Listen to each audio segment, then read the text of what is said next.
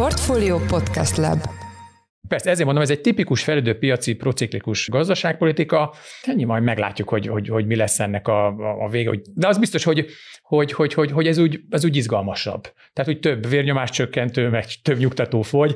Tehát, hogy, hogy, hogy, hogy ez, úgy, ez, ez úgy azért egy izgalmasabb utazás.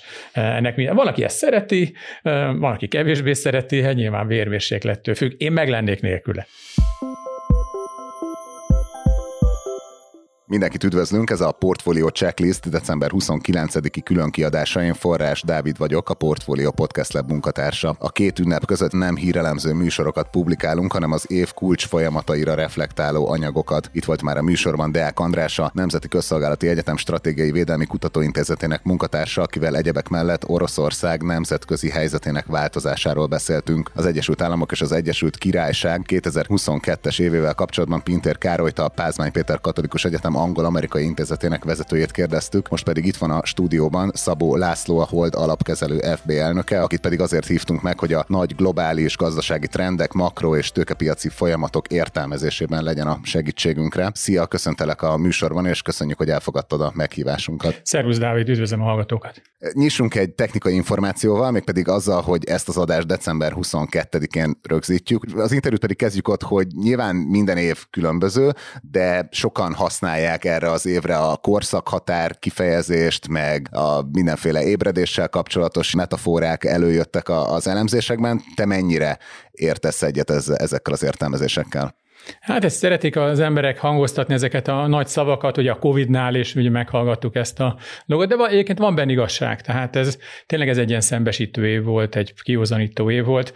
Mire gondolok? Ugye nagyon sokszor a befektetők is, meg a gazdaságpolitikusok is elfelejtik azt, hogy alapvetően ez a gazdaság egy nagyon erős ciklikusság alapján működik, és amikor egy bizonyos tendencia úgy sokáig tart, akkor ezeket az egymás után ismétlődő eseményeket, ezeket ilyen, ilyen függvényszerű kapcsolatot feltételeznek, és hogyha ez tényleg elég sokáig tart, akkor általában megjelennek az elméletek, hogy ezek valójában miért hosszú távú folyamatok lesznek, ugye this time is different, tehát hogy miért más ez a helyzet, mint, mint, mint volt korábban, és aztán ezeknek az éveknek az a feladata, hogy ezeket az ilyen vágyakra alapozott elméleteket, ezeket így széttörje. És akkor miket tört össze ez az év? Hát nagyon sokat, most, hogy néhány, néhány nagy dologra felhívjam a, a, a figyelmet, szerintem az első és legfontosabb, ezt talán kevesen érzik, hogy fontos, de, de ez nagyon-nagyon fontos, hogy széttört ez a, ez a folyamatos deflációs állapotnak az illúziója, hogy itt mindig, hogy ugye gazdasági fejlődés, meg technológiai fejlődés, meg globalizáció, meg így, meg úgy, meg amúgy. Pressure economy. Igen, és ugye azért erre, rá, erre rámozdult azért egy nagyon-nagyon fontos gazdaságpolitikai eszköz, ez a modern monetári teóri, tehát hogy nyugodtan csinálhat a, az államháztartás egy nagy hiányt, és ezt nyugodtan egyébként a Nemzeti Bank legyen az Amerikában, Magyarországon, vagy éppen a Európai Unióban, ezt nulla kamattal nyugodtan finanszírozhatja, mert ugye nem lesz baj, és ez egy, ez egy szuperfegyver. Tehát ez a gazdaságpolitikának a szuperfegyvere, ez a fegyverünk működik, akkor kvázi a nagyon nagy probléma nem lesz, mert ha van valami gond, akkor bevetem ezt a szuperfegyvert. Na, tehát így, hogy eldurrant az infláció, ez a szuperfegyverről kiderült, hogy ez sajnos ez nem bevethető. Ez, ez a gazdaságpolitikának és a különböző ciklusoknak a kezelésének ez, egy, ez, ez, ez, ez nagyon fog fájni. Tehát könnyű megoldások nem lesznek, hanem csak nehezek. Igen, ugye az MMT az nagyjából azt mondta volna, hogy ha be is indul az infláció, akkor azt egy ilyen nagyobb adóztatási folyamattal le tudjuk törni, de most nem egészen ezt látjuk. Hát lényeg az, hogy szerintem a lényeg, nem menjünk bele, lényeg az, hogy ez nem működik, tehát nem tudunk úgy lefogni, hogy kúra sokat zabálunk. Most egy bocsánat, elnézést így a két ünnep között. Tehát, tehát sajnos választanunk kell, hogy melyik ujjunkba harapjuk, tehát ez a szuper fegyver. Ez. A második nagyon fontos dolog volt, ami szintén távol van, de én azt gondolom, hogy erről sokat fogunk majd hallani a következő években. Ez az a, az a nagyon erős 20 évnyi kínai ingatlanpiaci buboréképítés, ez 2022-ben ez így, ez így szerintem szertefozott. Még nem, nem eresztett le, de, de, de kipukkadni látszik.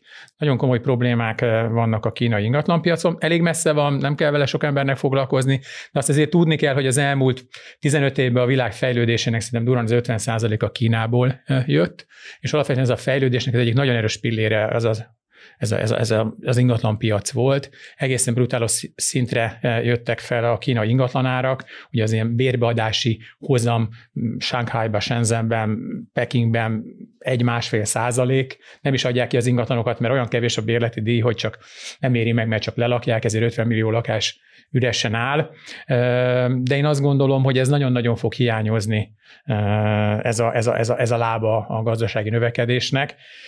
Ez azért is fontos, mert a kínai ingatlanpiac a világ legnagyobb eszközosztálya. Tehát mondok két számot, mondjuk az amerikai gazdaság, ahol egyébként szintén nagy fontosságú az ingatlanpiac, az mondjuk azt mondom, hogy egy ilyen 25 ezer milliárd dollárnyi, és ehhez tartozik mondjuk egy 35 milliárdos ingatlanpiac. A kínai gazdaság egyharmaddal kisetlenül 16-17 ezer milliárd dollár és 60 ezer milliárd dollárt ér az ingatlanpiac, miközben egy jóval alacsonyabb jövedelmi képességekkel bíró országról, tehát, tehát ott, ott elég nagy buborék van, és azt gondolom, ez nem egy ilyen fél éves sztori lesz, tehát erről még fogunk hallani. A harmadik, hát ami szerintem a legsúlyosabb, hogy, hogy ugye tehát ez az európai, vagy a fejlett országok, tehát, tehát, tehát ez az biztonságpolitikai alapvetések, ezek is foszlottak. Tehát ugye nagyon régen volt háború Európában, de az igazánban nagy országok között különösen, és akkor mindenki azt mondta, hogy ez egy új világ, és akkor ezek a fegyveres konfliktusok, ezek nagyobbak, tehát itt nem az ilyen periférikus dologra gondolok, ezek, ezek így megszűnnek, mert van egy nagyon erős gazdasági egymásra utaltság, és ez gyakorlatilag automatikusan megoldja ezeket a biztonságpolitikai nagyobb problémákat. Hát sajnos ez nem, nem, nem, nem jött be. Szerintem az elmúlt három felsorolt tényező közül azért talán ez a, ez a legszomorúbb, meg talán ez a legnagyobb hatású is hosszú távon. Hogy Magyarországról is mondja két dolgot, ugye én azt gondolom, hogy abszolút kiderült, hogy, hogy, hogy mondjuk a külpolitikánk zsákutca volt, tehát ez az orosz közeledés, illetve az Európa, tehát ez egy kicsit ez a hintapolitikára emlékeztető külpolitika, ez, ez, ez, ez, ez, ez ugye itt most zátonyra futott ezzel a konfliktussal engem kicsit arra emlékeztet, hogy mondjuk van mondjuk, az, van mondjuk a, a jó ember, akinek van egy felesége, mondjuk ezt, hogy ez egy, ez, egy, ez egy ilyen szerződéses kapcsolat, és akkor egyre többször a haver előtt mondjuk a szeretőjével jelenik meg, és akkor mindenki nézi, hogy, hogy mi van. És akkor hirtelen kiderül a szeretőről, hogy hát a legdurvább pornófilmekben játszotta a főszerepet, és ezt mondjuk adja a média folyamatosan. És hát ez egy kicsit ugye kínos. Tehát én azt gondolom, hogy most nekünk így, így, így, így most egy kicsit ilyen helyzetben vagyunk, mindenki döntse, hogy ki mit kibe testesít meg. És ugye ez a háború pedig, pedig, pedig ezt egy kicsit súlyosbította, mert tehát én azon egy ilyen kicsit ilyen hintapolitika jellegű dolgot, ezt így, amikor nyugalom van, meg béke van, meg minden, akkor ezt lehet csinálni. Nyilván, amikor így ezek a konfliktusok, ezek kiéleződnek, és hát ez egy háborúnál azért kevésbé tud jobban kiéleződni egy dolog, akkor, akkor erre nincs vevő. Tehát erre, erre nincs vevő. Tehát azok a dolgok, amiket lehetett, azok hirtelen elfogadhatatlanná válnak, szigorodnak a szabályok, az egész rendszer rigiddá válik. Nyilván Oroszországban ha nem mosolyogsz, akkor már háborús áruló vagy, és akkor visznek a frontra vagy Szibériába, azért itt Európába nyilván ez egy kicsit finomabb, de sokkal kevésbé fogékonyabb a, a politikai közvélemény ezekre a kikacsintásokra, és ugye kiderült, hogy ugye a, a szerető az pedig durva pornófilmekben játszik, nem túl jó szerepeket, és hát ez meg nyilván még keményé teszi a, a helyzetet. Tehát ez, szerintem ez egy fontos rádöbbenés volt, hogy szerintem az elmúlt tíz évnyi külpolitikánk az, az, az erősen kudarcos volt. A másik dolog az az energiapolitika, szerintem szintén itt, itt, itt, itt, itt nagyon kemény szembesülés volt a, a valósággal. Én nem gondolom egyébként, hogy ez, hogy ez így véletlen. Én, én azt gondolom, nagyon erőteljesen, és el tudom fogadni, hogy ezzel nagyon sokan nem értenek egyet, hogy, hogy ez az egész magyar rezsicsökkentéses dolog, ez, ez egyáltalán nem csak egy ilyen politikai eh, szlogán volt, hanem én meg vagyok arról győződés tekintve a politikai szereplők különböző nyilatkozatait, hogy ők meg voltak arról győződve, hogy ez a tízes éveknek, főleg a 13-14-től érős nagyon jó csere arányjavulásuk, tehát hogy a világban lemegy az energiavár, ez egy tartós dolog lesz. Tehát ők, ők, ők komolyan azt gondolták, hogy ez egy tartós dolog lesz, ilyen szempontból az, hogy most elmaradnak különböző energetikai beruházások, lakossági szinten, stb. ez ebből nem lesz olyan nagy baj. Ugye, hogyha Matolcsi Györgynek meghallgatod az előadást, mondjuk 2013-2014, akkor ő már akkor is mondható, hogy igazán ingyen lesz az energia, ingyen lesz a pénz, nullák lesznek a kamatok, és egyébként ez úgy tűnt, hogy nagyon jól be is jött. Még 2020-ban is azt mondta, hogy megszűnt a távolság, és, és, és, és, és, és ingyen lesz az energia, és ingyen lesz a pénz. Úgy tűnt egyébként, hogy, hogy igaza lesz, és aztán hirtelen történt valami a világban, és kiderült, hogy, hogy ez egy hogy ez, hogy ez egy ugyanolyan dolog volt, mint hogy nem lesz infláció, meg hogy egyébként mindig béke lesz. Tehát ez így, így ez egész szituáció összetört, és hát bennünket pedig egy teljesen más világra alapozott energetikai eh, mondjam, berendezkedéssel ért ez a, ez a valóságnak ez az erős megváltozása, és ugye ebből jönnek ki a problémák. Na tehát ez mondjuk öt dolgot mondtam, szerintem mind az öt szerintem fontos, nyilván három az inkább így, így, így globálisan, a másik kettő az pedig itt Magyarországon ez kicsit közelebbről érint bennünket. Mielőtt belemennék ebbe az öt aspektusba, vagy ennek egy részébe, azelőtt van-e valami a fejedben, ami összeköti ezt az öt trendet egybe? Nyilván, nyilván, nyilván azért a háború az, az, az, az talán az, ami ennek az egész probléma középpontja, de valójában ami összekötő őket, hogy vannak, fent, vannak olyan trendek, amik idővel változnak, tehát egy ciklikusság, és ezek előbb-utóbb ezek a ciklusok változnak, és mindig kell egy ilyen úgynevezett ilyen trigger, tehát egy kiváltók, ami aztán egyébként ezt elindítja. Tehát valójában ezek a dolgok, ezek azért változnak, mert ezek már megértek a változásra. Tehát ezek nem önmaguktól változnak meg, hanem ezek már nagyon-nagyon érett, hogy ez nyilván a magok már el lettek szórva, sivatagba szórtuk a magot, szórtuk, például az infláció volt ilyen, hogy folyamatosan épültek be azok a dolgok, amik inflációt kellene, hogy okoznak, nem történt semmi, héten esett egy kis eső, és akkor kinyílt egy milliárd virág a sivatagba. Tehát nyilván hiába jött volna eső, hogyha nem lettek volna elültetve a magok. Tehát én azt mondom, hogy azt tud ennyire drasztikusan konfrontálódni, ott tudunk konfrontálódni, ahol már maga a konfliktus lehetőségek be voltak ágyazva a, a rendszerekbe, és a magyar energiapolitika belpolitika, a külpolitika, az az infláció, egyéb dolog globálisan is, ez, ezek, ezek, ezek már egy ilyen régi elhúzódó trendek voltak. Ami egy kicsit olyan valahogy eltávolít legutóbbnak tűnik ezekből a szempontokból az Kína. Itt hogy látod, hogy ennek a típusú ilyen ingatlan piaci hűlésnek milyen globális következményei lehetnek? Ugye itt azért felsejlik valamennyire a 2008-as válság, de ott egy sokkal jobban integrált szereplő, az amerikai bankszektor volt az, amelyik teljesen leolvadt. Itt szerinted lehetnek-e ilyen típusú következmények? A, úgy is követhetném a kérdést, hogy a, a nagyobb nyugati befektetők azok mennyire érintettek ebben az egész sztoriban? Kínai gazdaság zárt, tehát teljesen más, hogy mm, hat ez a gazdaságra. Kína a belső zárt bank és pénzügyi rendszere miatt nem fog kisugározni. Ez a probléma nem fog kisugározni gyorsan és radikálisan mondjuk a, a globális tőke és pénzpiacokra, inkább szerintem a növekedést fogja lassítani a következő években.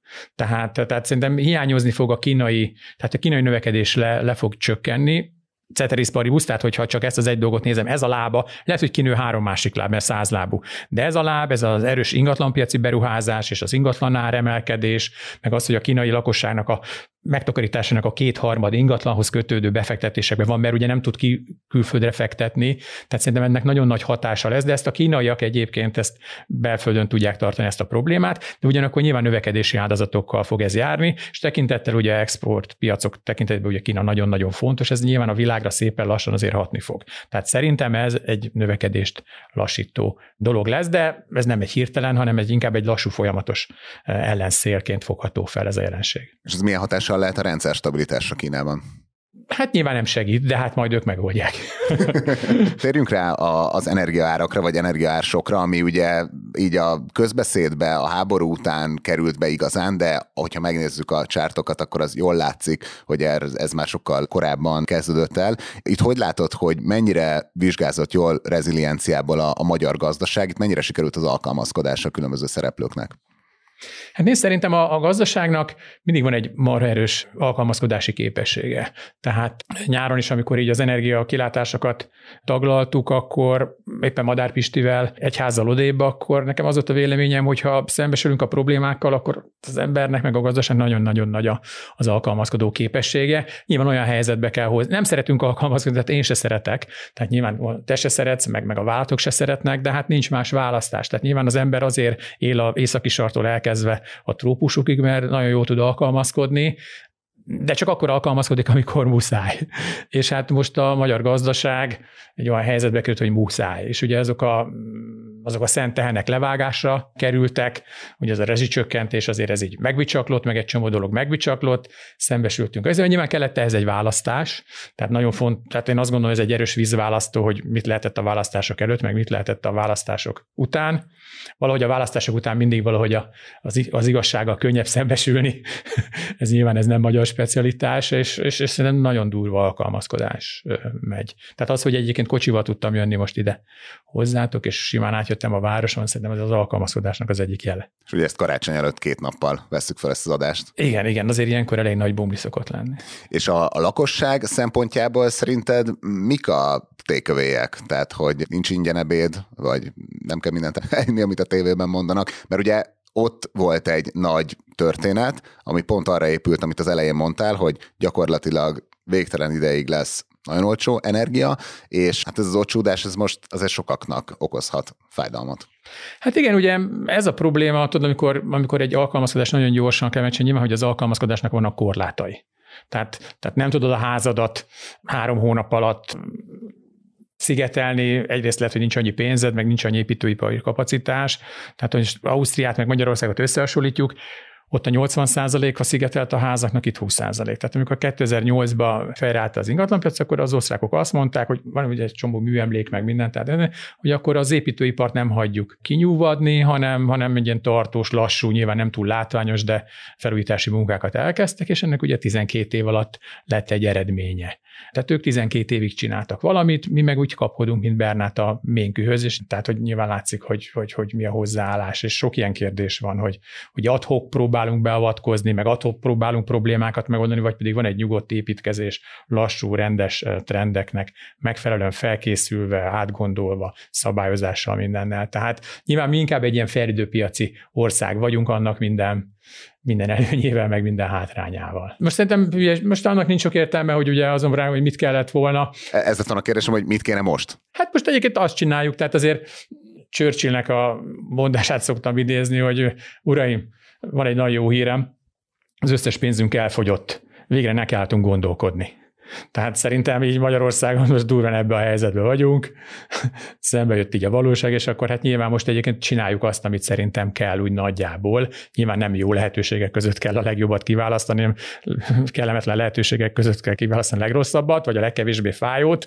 Szerintem csináljuk, de hát kicsit későn. De hogy most szerintem azt csináljuk nagyjából, amit, amit kell. Aztán persze egy csomó dolgot túl variálunk, meg, meg, meg, meg, meg túl lelkesek vagyunk, meg, meg, meg, meg, meg, meg túlszabályozunk, ahogy így egyébként Magyarországon szokás. Aztán éppen ezért ugye messze leszünk az optimális kimenettől, de hát úgy próbálkozunk. De itt most az ilyen megújulóknak a rendszerbe való integrálására célszol, vagy mit? Hát nem, ott szerintem ott, ott, ott, ott, ott, ott egyszerűen ott, ott sok embernek meg kell érteni, hogy nem lehet egy millió napelemet rányomni a rendszerre, mert ki kell egyenlíteni. Tehát, tehát, tehát ez világos. Tehát én azt gondolom, hogy most nincs sok jó lehetőségünk, tehát most nyilván szembesülni kell azzal, hogy milyen a hálózatunk, mennyit költöttünk rá az elmúlt tíz évben, mennyire rugalmas, stb. Látszik, az egy csomó ország azért jóval nagyobb megújuló aránya képes egyébként az energiarendszerét működtetni, mi nem vagyunk azok. Ugyanakkor nekünk ez sós kérdés, mert ugye a kormánynak ez az újraiparosítási programja, ez rengeteg energiát igényel, és ugye lehet, hogy kevesen tudják, de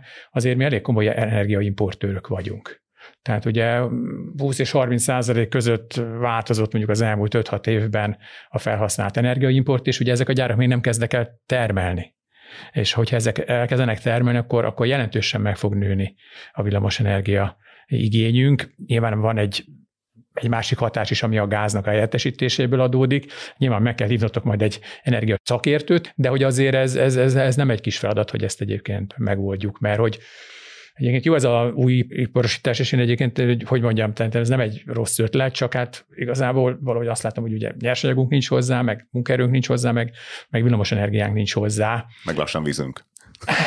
A, egyébként ami van, ami nagyon komoly előny, és most nem akarok egyébként így cinikus lenni, de, de azért nyilván egy ilyen nemzetgazdasági beruházássá történő minősítés azért egy csomó környezetvédelmi problémát úgy jelentősen megkönnyít. Tehát én azt gondolom, hogy például Magyarországnak ilyen iparvonzó tekintetben szerintem nagyon nagy előny, hogy itt egy csomó környezetvédelmi dolgot könnyebben meg tudnak oldani, mint máshol. Erre egyébként szerintem nem kellene büszkének lennünk. Igen, Sőt, ez egy ilyen eufemizmusa volt a környezetrombolásnak. Nem? Te, te mondtad. Hát nem biztos, hogy lesz belőle, hogy mondjam, de, hogy, de, de, de ez biztos, hogy, hogy ez, ez, ez jó, jó kategória, mert ez nyilván meggyorsítja a beruházásokat, de hát nem biztos, hogy, hogy a másik oldalon ez, ez, ez, ez nem kerül semmibe. Na, meg, meg, meglátjuk, de nyilván egyébként abban igazságtalan voltam, hogy de tényleg nincsen munkaerőnk, de természetesen, hogyha egy ilyen magas hozzáadott értékű munkahely levált egy alacsonyabb hozzáadott értékű munkahelyet, az nyilván a nemzetgazdaságnak egyébként az előnyös. De teljesen mindegy, hogy már ilyen munkahelyteremtő beruházási támogatások nem nagyon kellene beszélni, mert hogy ugye több munkahely van, mint amennyi dolgozó van. Tehát most ezt a, most meg kellene változtatni ezt a nevet, tehát nem munkahelyet kell teremteni, hanem munkásokat kell teremteni. Hát teremtünk, mert egyébként jönnek be a külföldiek, de na mindegy, ez egy bonyolult kérdés, ez, ez nem az én szakterületem. Maga az energiaszámlának az ilyen mértékű elszállása, amit idén tapasztaltunk, ez már önmagában is húzta magával az inflációs pályát fölfelé. Itt szerinted mennyire választottunk jó eszközöket ennek a pályának a menedzselésében. Ugye pont tegnap volt Orbán Viktor nemzetközi sajtótájékoztató, most ezt úgy mondom tegnap, hogy a felvételhez képest, tehát december 21-én, ahol hát ugye azért úgy nagyjából ráterhelte a magas inflációért vállalt felelősséget a, a jegybankra, ami azt gondolom, hogy úgy nagyjából rendben is van, hiszen az ő mandátumában van benne az árstabilitás, de volt egy olyan mondata is, hogy az a eszköz, az az eszköz, amit választott a jegybank, az az a magas kamatok, az pedig a, a vállalatok oldaláról állítja nagy nyomás alá Matolcsi Györgyöt és a, a jegybankot, de mit lehetett volna mást választani, illetve szerinted ezek a magas kamatok azzal a dinamikával, ahogy kialakultak, ez mennyire volt egy helyes kezelése ennek a pályának? Hát én azt nem biztos, hogy jól látom, de, de, de régóta úgy látom, hogy ebbe a gazdaságpolitikai dilemmába, hogy inkább az inflációra figyeljünk, eh, akár egy kicsit alacsonyabb legyen a növekedés, vagy egyébként a növekedés, növe, nőjünk, ahogy a csőből kifér. Ebbe a dilemmába a magyar gazdaság mindig az utóbbit választotta. Tehát mindig növekedés párti volt. Ugye ez a túlnyomásos gazdaság is, aminek már ugye több éves előzménye van, ez, ez végül egy, ez, ez, ez egy ilyen választott értékrend volt. Tehát ez, ezt nem az ellenzék mondta, hanem meg nem az elemzők mondták, hanem ezt a kormány is így uh, publikálta, is. meg a jegybank is, hogy egy túlnyomásos gazdaság. A túlnyomásos gazdaság azt jelenti, hogy maximális fordulatszámon mész ugye az autóddal, és hát ott, ott, ott ugye tehát ilyenkor, amikor mondjuk egy, van egy túlnyomásos gazdaság, mondjuk van 2021, ami nem tudom, 7%-os növekedés, és úgy csinálsz még mellé, rányomsz még egy 5000 milliárd forintos költségvetési túlköltekezést, na hát akkor ugye a gazdaságnak minden kapacitása ki van használva, még egy jó nagy túlkereskedett rányomsz a gazdaság, jönnek a választások, akkor mibe fog ez megnyilvánulni? Mert mindenki dolgozik, minden gép dolgozik, három műszakban ezért nyilván az árak fognak nagyon keményen fölmenni, tehát azt gondolom, hogy ez egy teljesen tudatos dolog volt. Nyilván erre rájött a háborús probléma, probléma, tehát egy kicsit letolt gatyával álltunk ott a, a februári télben, és ugye éppen ezért bennünket, ezt a túlnyomásos gazdaságot kapta derékbe a globális infláció, tehát ugye az inflációnak mi a magjait az tényleg nagyon-nagyon-nagyon keményen, és ott már nem csak magok voltak, hanem ott már hajtások voltak, és arra jött rá egy nagyon erős inflációs támogató trend a világban. Ráadásul egyébként egy csomó olyan intézkedés, ami, ami gazdaságpolitiká különböző érdekeit szolgált, az egyébként is inflatórikus volt. Tehát mindig kérdezik, hogy ú, mi van az élelmiszerekkel, ti is sokat írtok róla. Hát figyelj, hát egyrészt 27%-os áfa van mondjuk egy cukrón, egy lisztán, van egy 4,1%-os kiskereskedelmi előtt, tehát valójában az áfa ezeken az élelmiszereken 31-32 százalékos. És akkor mondják, hogy elmentem Ausztriába, vagy Szlovákiába, hát ott lehet, hogy 12 százalék az áfa, tudod? Tehát ez van egy 20 csomó intézkedés volt, ráadásul ezek a különböző ástoppok, ezek ezek ugye nyilván homokot szórtak a, a gazdaságnak a gépezetébe, egyrészt nyilván csomóan át tudták hárítani eh, más termékekre az árakat, ami az egész lakosságot érintette, nyilván kicsit csökkent a verseny, nem annyira kezdett el jól működni a gazdaság, és szóval a gazdaság nagyon-nagyon bonyolult, tehát olyan, mint az élővilág, ha belerondítasz, akkor lehet, hogy azt gondolod, hogy egy hogy betelepítesz egy új növényt valahol, és kiderül, hogy az özönfaj meg tesz 15 egyéb faj, tudod? Tehát, ez, tehát, a, tehát az ársapkáknál ugye volt a miniszterelnöknek egy, hogy jogászként ő nem érti, hogyha valaminek csökkentem az árát, az hogy okozhat inflációt. Közgazdászként nyilván értjük, történészként, tehát most keresek olyan szakmákat, hogy esetleg mibe tudunk segíteni. Történészként igen, mert hogy egyébként mindenhol, ahol ilyeneket csináltak, az inflációt okozott.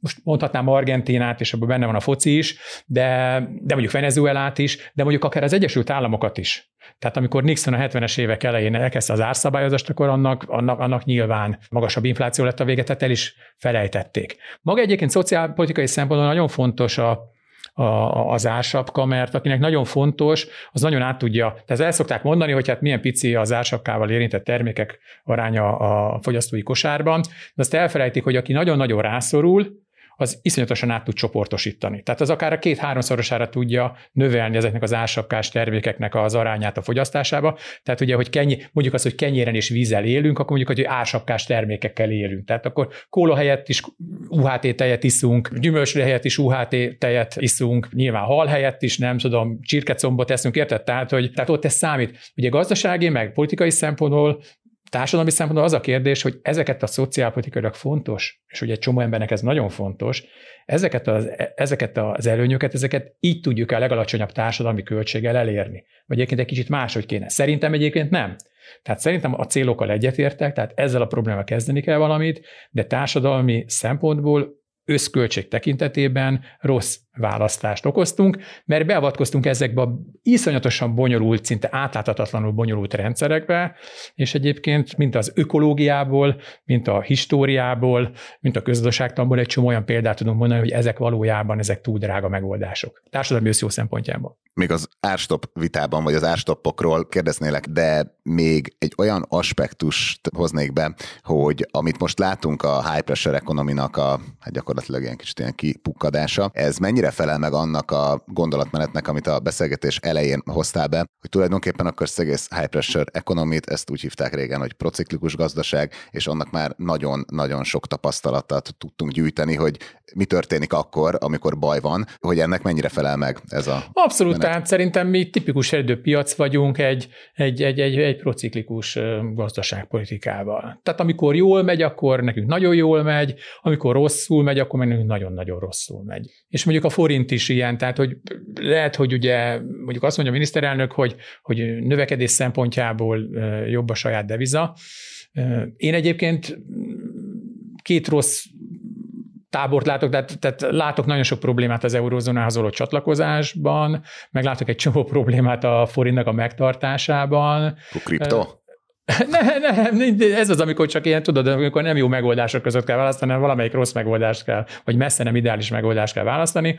Nyilván a forint egyébként a növekedésre is hat. Tehát most hadd mondjak egy egyszerű példát. Tehát amikor ugye egy válságnak a kellős közepébe elmegy a nemzeti fizetőeszközünk árfolyama, és ugye, hogy ne álljon fejre a gazdaság, miközben egyébként nyilván a folyófizetési mérleg hiány is ebbe nagyon komoly szerepet játszik, akkor védenünk kell a forintot, ugye? Tehát ez, ez alapvető. Akkor fel kell emelnünk a kamatokat. Most megkérdezem tőled, Dávid, hogy szerinted egy 16-17 százalékos kamatszint az a gazdasági növekedést elősegítő vagy hátráltató tényező? Erre Surányi Györgyöt kérdeztük meg, hogy ez hogy ment neki az ő időszakában. Igen, na, nyilvánvaló. Tehát figyelj, az a baj, hogy ilyenkor, amikor marsok problémával kell megküzdeni, akkor még egyébként szórakoznunk kell még a forinttal is, és ugye nyilván sajnos úgy tudjuk védeni, hogy egyébként az egyébként is lassuló gazdaságot további akadályokkal látjuk el. Tehát erre mondom azt, hogy prociklikus. Tehát De a szép amikor... években viszont. Hát igen, igen, igen, igen, igen. Persze, ezért mondom, ez egy tipikus fejlődő piaci prociklikus gazdaságpolitika, ennyi majd meglátjuk, hogy, hogy, hogy mi lesz ennek a, a, a vége. De az biztos, hogy, hogy, hogy, hogy, hogy ez, úgy, ez úgy izgalmasabb.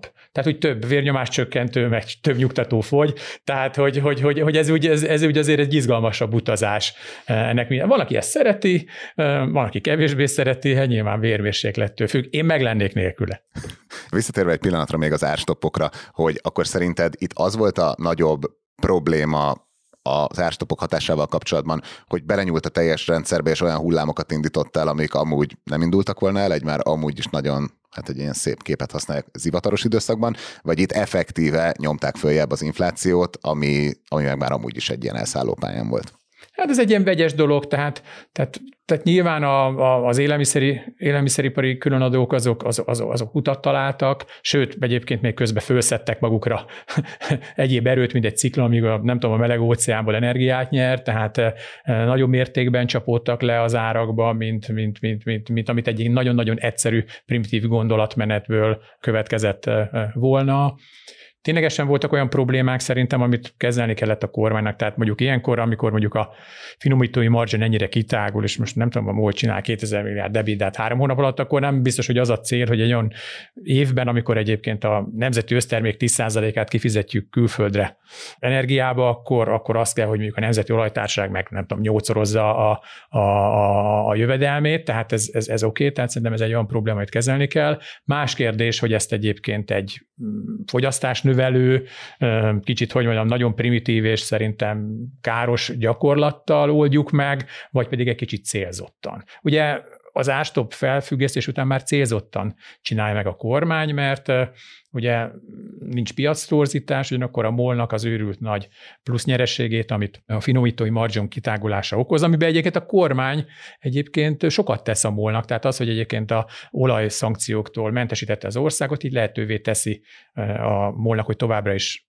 ugye az olcsó orosz gázt vegy, aminek egyre magasabb a diszkontja a Brenthez képest, mert a többiek nem veszik, ez nem gondolom, hogy ez a múlnak a teljesítmény, ezt a kormány rakt, és azt mondja, a kormány ennek egy részét elveszi, hát most nem tudom, most már 95 át Tehát egy ilyen évben én azt gondolom, hogy ez főleg úgy, hogy maradott elég profit, tehát hogy nem véreztetik ki a nemzeti olajtárságot, ez szerintem egy tök jó. Tehát ami most megy, szerintem az jó, ami korábban ment, az még hülyeség volt. Nagyon örülök, hogy behoztad a molnak a marginját, mert így jól átkötöttél a, a, a fiskális helyzetünkre. Itt szerinted a különadóknak kifejezetten itt mi az üzenet a, a piacok számára, hogy amikor nagyon jól megy akkor elvesszük, amikor nem megy annyira jól, akkor széttesszük a, a, a kezüket, tehát hogy ez mennyire nyomja rá a hatását a, a teljes magyar piacgazdaságra vagy tőkepiacokra, és mit üzenünk a, a szereplőknek ezzel?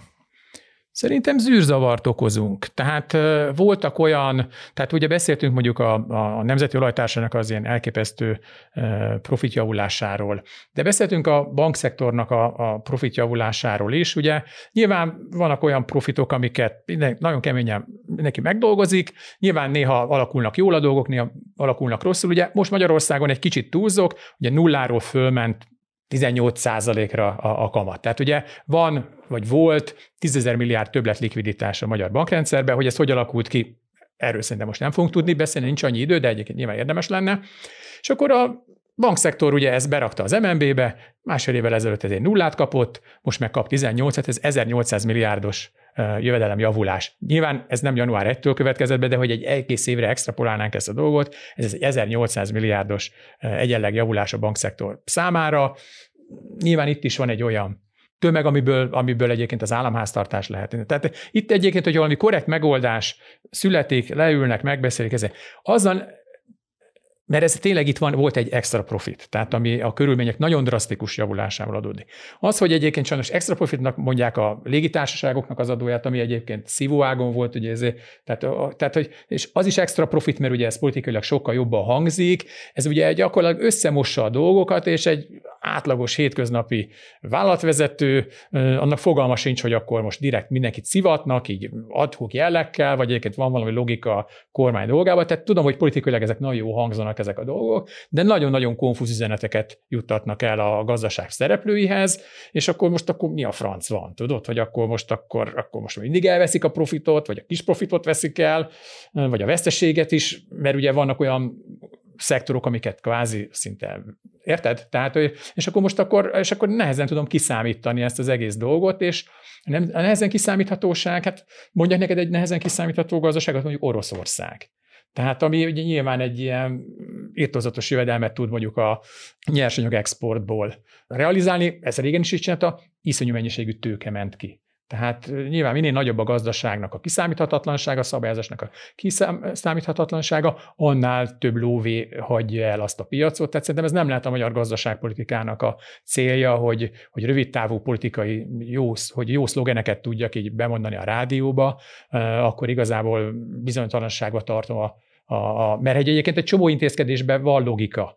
Tehát mondjuk a, az olaját mondtam, tehát ugye a második megoldás, de, de hogy mondja, a tojás, tehát tojás, hát tényleg, és akkor most legközelebb a, ez a só lesz, vagy a fogpiszkáló, vagy, vagy tényleg mi, tehát, tehát beleavatkozni így, és miniszternek elmondja, hogy hát ő neki a Demjánsan meg, hogy nem szabad beavatkozni a gazdaságba, és mondja, igen, és utána a tojás, meg, tehát hogy tényleg várjuk a fogpiszkáló uh, sapkát. Voltak olyan vállalatok, tehát ahol egyébként ténylegesen drasztikus körülményváltozás volt, amiben érdemes volt belenyúlni, nyilván a szakmámra egyeztetve. Tehát, tehát beszéltünk ugye a múlról, tehát a mostani megoldás ugye a, a benzinár mizériára, én azt mondtam, hogy ez már jó. Beszéltünk a bankszektorról, azzal is egyébként nagyjából egyetértettem. Nyilván ott azért ott nem feltétlenül a monetáris politikát kéne irányítania, vagy ellen irányítania ezenek, de ott, ott nyilván ott is ott, ott van egy olyan tömeg, ami, ami, amiben szerintem bele lehet nyúlni, de rendkívüli módon és ebből nem szokást csinálva. És akkor vannak olyan piti dolgok, aminek, aminek sokkal több a kára, mint a haszna. Tehát az élelmiszer különadókról beszéltünk, hogy azt szerintem ez egy hülyeség, ott azokat az embereket, akik erre rászorulnak, sokkal alacsonyabb társadalmi költséggel el lehetett volna rendezni ezt a problémát, mint ahogy most csinálja a kormány. Tehát én ezért... Valamilyen direkt transfer. Igen, tehát én azt mondom, hogy van olyan dolog, ami van logika, van egy csomó dolog, ami meg már ilyen túl túl mozgásos dolog, ami több kárt okoz, mint hasznot. Láthatóan egyébként. Szerinted lesz kivezetés, mert mint a egyetemen nem dropoltad Churchill-t, ugye Milton Friedman mondta, hogy semmi nem olyan tartós, mint egy átmeneti kormányzati intézkedés.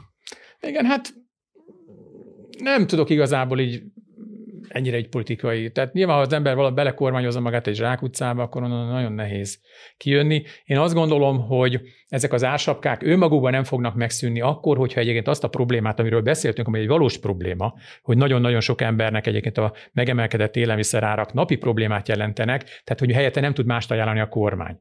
Tehát én azt mondom, hogy ez egy probléma, ezt kezelni kell, de sokkal inkább egy célzott tehát most mondtam valamit, az amerikaiak például adnak élelmiszerjegyet azoknak az embereknek, akiknek alacsony a jövedelme. Tehát szerintem társadalmi költsége sokkal alacsonyabb lenne, hogyha azok az emberek, akik ezt igénylik, megérdemlik, rászorulnak, azok kapnak élelmiszerjegyeket, és egyébként hagyjuk a piacgazdaságot normálisan működni, és nem ennyire durván erőszakoljuk meg, hanem próbáljuk a rászorultakat egy kicsit elegánsabb, finomabb módszerrel támogatni. Térjünk rá a makropálya másik részére. Szerintem az év legfontosabb vitája az a, az, a, az EU-s pénzek körüli mizéria volt. Ez egy olyan vita volt, aminek sokkal messzebbre mutató következményei lehetnek, vagy lehettek volna, mint azok a konkrét pénzösszegek, amiről igazából a vita szólt. Ugye még nem látunk teljesen tisztán, valamilyen megállapodásra ugye december közepén jutott a, a magyar kormánya a tanácssal, de szerinted mennyire kell újraértelmeznie Magyarországnak a, a saját helyét vagy szerepét a világban, európai és globális kontextusban, mert, mert azért jól látható, hogy, hogy más országoknak nincs ilyen síkon, ilyen típusú vitája jelenleg az Unióval, mint nekünk.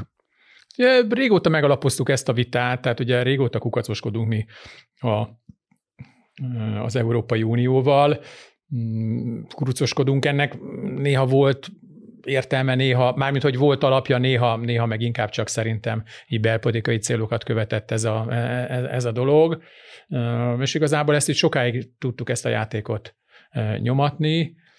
Visszatérnék, hogy az első gondolatmenetre, tehát az, hogy egyébként így a különböző tömbök között, tehát szövetségi tömbök között így a feszültség nő és ugye nyilván ez az ukrán háború szerintem ez, ez, ez, ez nagyon-nagyon plastikusá teszi. Ez szerintem azt jelenti, hogy ezeket a különutas játékokat, ezeket így, ezeket kevésbé nézik el. Vagy csak magamat tudom ismételni, tehát egy ilyen mértékű kikacsintás Oroszországban már Szibériát jelent, itt egyelőre csak, hogy egy kicsit blokkoljuk. Tehát, tehát abban igaz van a kormánynak, hogy szerintem bejöttek a politikai tényezők. Tehát nem csak arról van szó, hogy egyébként végrehajtjuk-e a programot, meg így, meg úgy, meg amúgy, hanem itt már szerintem az Európai Unió politikai szempontból is elkezd bennünket büntetni. Az az üzenet, hogy figyeljetek, gyerekek, megváltozott a világ, háború van, iszonyú kemény harcon a szövetségi rendszerek között, el kell dönteni, hogy hova tartozol, és hogyha azt mondod, hogy ide tartozol, akkor pedig akkor pedig itt valamennyire tartanod kell magad a, a, a, a, a dolgot. Ez nem biztos, hogy ez jó, de hát így változott a világ. Tehát ez nem egy öncélú hülyes kitalálás szerintem, hanem egyszerűen a világ olyan irányba változott, hogy minden, mindenki befelé keményebben próbálja tartani a, a frontot, és bármennyire is mondjuk liberálisan működik a, az Európai Unió, látszik, hogy, hogy van egy ilyen belső brand iránti, tehát hogy mindenki álljon be a sorba, és én azt gondolom, hogy kevésbé lesz tolerancia a, a két utasság iránt. Magyarországnak meg el kell dönteni, hogy mit akar csinálni. Hát nem gondolom azt, hogy egyébként túl sok választási lehetőségünk van. Ezt nem mondom, hogy ez jó, de, de szerintem eléggé kényszerpályán mozgunk, amit nyilván egyébként a, tár, tehát egyébként amit a gazdasági problémáink még inkább. De most a gazdasági problémáktól függetlenedhetünk, tehát maga ez a világhatalmi tényezők között kiélezedő, kielesedő konfliktus, ez, ez, ez, ez nekünk automatikusan csökkenti a mozgásterünket. Igen, de azért mondjuk a magyar kormányról, ha tudunk valamit az elmúlt 12 év 13 év lassan tapasztalatai alapján, akkor az, hogy mindig próbálja valahogy szélesíteni ezt a típusú mozgást. Jó, nézd, ez, ez, ez, ez, nyilván érthető, tehát most a kisgyerek is mindig addig feszíti a húrt, amit akar, csak azt akarom utalni, arra akarok utalni, hogy, hogy ez a mozgástér szerintem így a világ a geopolitikai dolgok miatt ez most sokkal kisebb.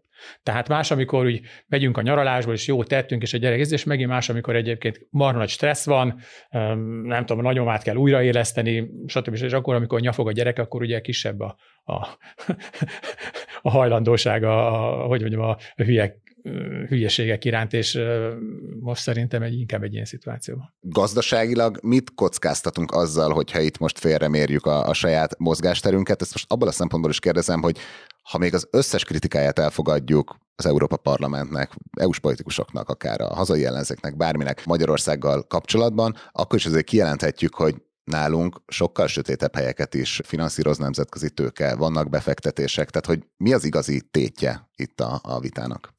Nézd, most, most, most nem tudom, jól értettem a kérdésedet, de tehát ugye beszélünk egyrészt EU pénzekről, meg beszélünk normál globális tőkepiacokról. Tehát a globális tőkepiacok mondjuk a köt, hogy megveszik egy országnak a kötvényeit, ugye, hogy finanszírozzák a költségvetési hiányt, stb. stb.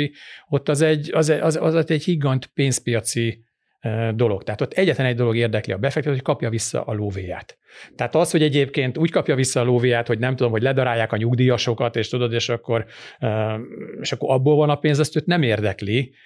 Tehát egy, egy kötvénypiaci befektető az, az, az, az, az nem a demokratikus jogszabályokra, meg a berendezkedésre koncentrál, nem arra, hogy kapja meg a kamatát, meg kapja vissza a pénzét. De ez egyébként teljesen normális. Tehát és megint más, amikor az Európai Uniós támogatási összegek jönnek, mert ott pedig nyilván ott egy kicsit bonyolultabb a, a, a kép. Tehát ez két teljesen szeparált, teljesen más logikán alapuló világ. Beszéljünk egy kicsit a 2023-as évről. Szerinted a világgazdasággal és Magyarországgal kapcsolatban mik most a, a legnagyobb kockázatok, mire kell most a legjobban figyelni? Hát most én nem szűkíteném le ezt a 2023 évre, egy kicsit, kicsit távolabbra nézve, tehát ha megnézzük, akkor az elmúlt tíz év globálisan és Magyarország szempontjából is azért tök jó volt, mert hogy nagyon alacsonyak voltak a kamatok, Mondjuk ezt úgy sikerült jó kihasználni, mert az alacsony kamatokat felhasználtuk arra, hogy még több, tehát a világban sokkal-sokkal több hitel keletkezett, ami egyébként nyilván a jövőt azt nagyon nehézé teszi, mert egy jóval magasabb hitelszintnek megyünk bele, egy jóval magasabb kamattal. Tehát kamattörlesztésre, hiteltörlesztésre sokkal több pénzt kell minden gazdaságba fordítani, ami nyilván nem segíti a gazdasági növekedést. Ha megnézzük azért itt a 17-18-ban nagyon-nagyon szépen lement a, az államháztartásnak a kamat kiadási oldala. Most ugye ezek ismét elkezdenek fölfelé menni. Amit kamatra költünk, azt ugye nem tudjuk elkölteni másra. Tehát ez hiányozni fog. A második dolog ugye, hogy nagyon jók voltak a cserearányok nekünk. Tehát mi egy energiaimportőr ország vagyunk, nagyon szegények vagyunk nyersanyagba, nekünk az egy idilli állapot, amikor alacsonyak a nyersanyagárak és az energiaárak, ugye ez is alapvetően megváltozott. Arról már beszéltünk, hogy ezt nem kellett volna egy extrapolálni 30 évre, hanem örülni kellett volna ennek a helyzetnek, de nem kellett volna eringatni magunkat egy ilyen kicsit ilyen déli bábos álomban, hanem ugye annak ellenére, hogy olcsók a dolgok, meg kellett volna csinálni a beruházás, és a lakossággal is egyébként meg kellett volna csinálni. Ezek, megcsináltatni ezeket a beruházásokat. Tehát eh, ezek a energiára tehát nyilván ez majd, ez a csúcs, ez már le fog menni, meg már most is lement, ugye 100 euró alatt van az a, eh, az a gázár, éppen néztem, amikor elindultam, ami 300 volt augusztusban, tehát ez már cseng le, de nyilván egyébként többet fogunk költeni energiára, mint mondjuk 4-5 évvel ezelőtt. Ezek a pénzek is elhagyják a magyar gazdaságot, ezek is hiányozni fognak a, a norma. Ugye nyilván ez a békés időszak és az alacsony NATO fegyverköltések, ezek, ez, ez, ez is olyan szempontból változik, hogy többet kell majd fegyverekre is költeni, ami persze lehet, hogy iparpolitikában egyébként vissza tudja hozni a dolgot, de itt is van egy olyan kiadás, ami, ami, ami jóval alacsonyabb volt most itt GDP arányosan az elmúlt tíz évben. Szerintem Kína az lassabban fog növekedni, ugye beszéltünk a, tehát ennek több oka van, nem akarok ebbe belemenni, nyilván az ingatlanpiac leeresztése is lesz, nem alacsonyabb lesz a növekedés Kínába, és ugye mivel Kínában egyébként az európai export nagyon-nagyon jelentős, és ugye mi meg összeszerelő üzemként ugye bedolgozunk a, a, a, a német exportnak, bár azért most ezt nagyon tudtuk egyébként egy szélesebb alapokra helyezni, tehát ugye a dél-koreai, kínai cégek most már itt vannak, tehát a németeknek a súlya az exportpiacokon belül folyamatosan csökken, de azért az Európai Unió még mindig messze legnagyobb exportpiacunk, tehát hogyha egyébként a Kína lassulás az egyébként egy nyugat-európai ipari lassulással jár, azt nyilván mi is meg fogjuk érezni a saját bőrünkön. Nem kell itt nagy dolgokra gondolni, de sok kis apróságból ki lehet hozni ezt a, ezt a, ezt a dolgot. Nyilván még a tízes évek elején volt egy kis munkaerőpiaci tartalékunk, ma az eltűnt. Demográfiánk ugye nagyon-nagyon rossz, tehát ugye a munkaerőpiacra bejövő és kimenő számokat látva folyamatosan csökken az elérhető munkaerő. Nagyon rossz az egészségügy, tehát szerintem aránytalan az, hogy a születésekre koncentrálunk, utána az embereket 55 éves kor meg hagyjuk meghalni, meg hogy kimenni a munkaerőpiacról. Én nagyon sok ilyen példát tudok mondani, ugye tudod, bivajtenyésztő vagyok, és vidéken töltöm az időm egy részét, és látom, hogy, hogy, hogy, hogy egy, egy 60 éves ember, aki fizikai munkát végzett, az, az hogy milyen állapotba kerül, és hogy az ellátórendszer mennyire nem tud neki segíteni. Tehát olyan dolgokban halnak meg emberek, meg olyan dolgok miatt veszítik el a munkaképességeiket, ami egy szerencsés országban gyakorlatilag simán megoldható.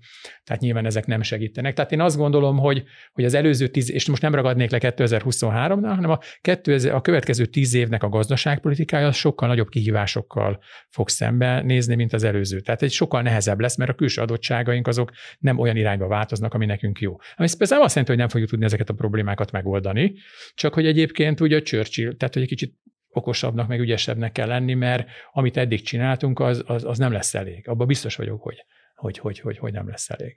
Jó, utolsó kérdésem, hogy ugye itt vagyunk az év vége. optimistát kérdezzél már. optimistát? Hát mert ugye ez nagyon rossz Ezek van. után mi az, amiben bízhatunk?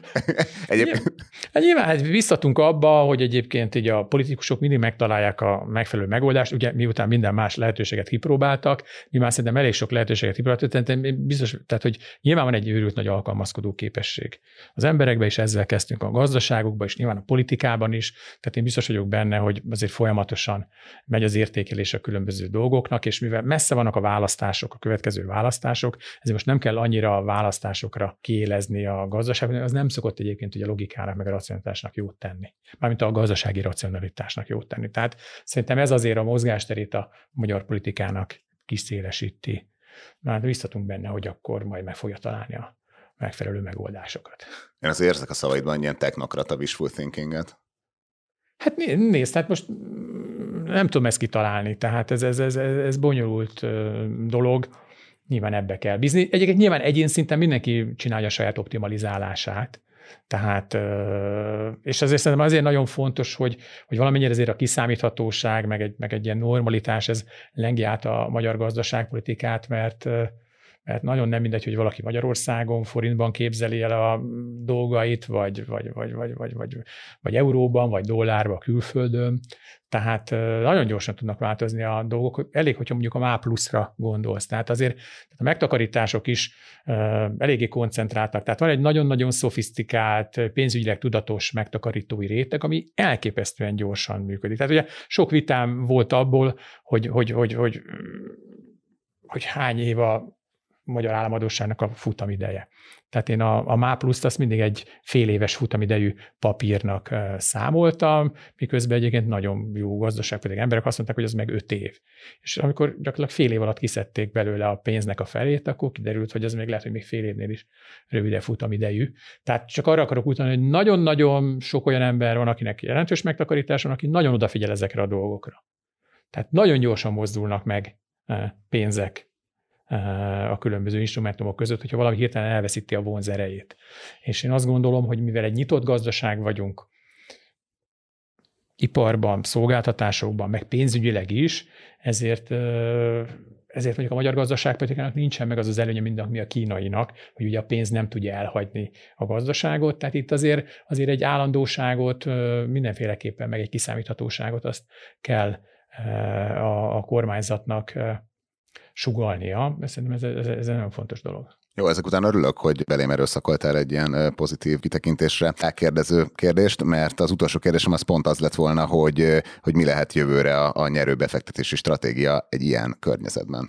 Nézd, hát szerintem nagyon fontos az, és ez, hogy mondjam, a befektetők számára azért ez egy nagyon pozitív dolog, hogy, hogy, hogy megjelent a kamat. Tehát persze infláció is van, de infláció az eddig is volt, és, és most van kamat. Tehát ahhoz, hogy valami jövedelmet realizáljál, ahhoz nem kell extrém kockázatokat vállalnod. De ugye ez a nulla-minusz kamat a világban, ennek az volt a legnagyobb hátránya, hogy abszolút nem, hogy nem preferált magatartás mintákat ösztönzött. Tehát, hogy mindenki felvett marsok hitelt, és mindenki, aki valami hozamot akart, az ilyen őrült baromságokba kellett, hogy befektesse a pénzét. Tehát nem, nem, nem véletlen, hogy most jött elő egy csomó speciális fraud, ez az amaz, minden nagyon-nagyon megdrágult, mert az emberek egyszerűen nem tudták elviselni, hogy hogy nem kapnak a pénzt, vagy ugye Nyugat-Európában levontak a bankszámlájukra pénzt egy bizonyos méret fölött.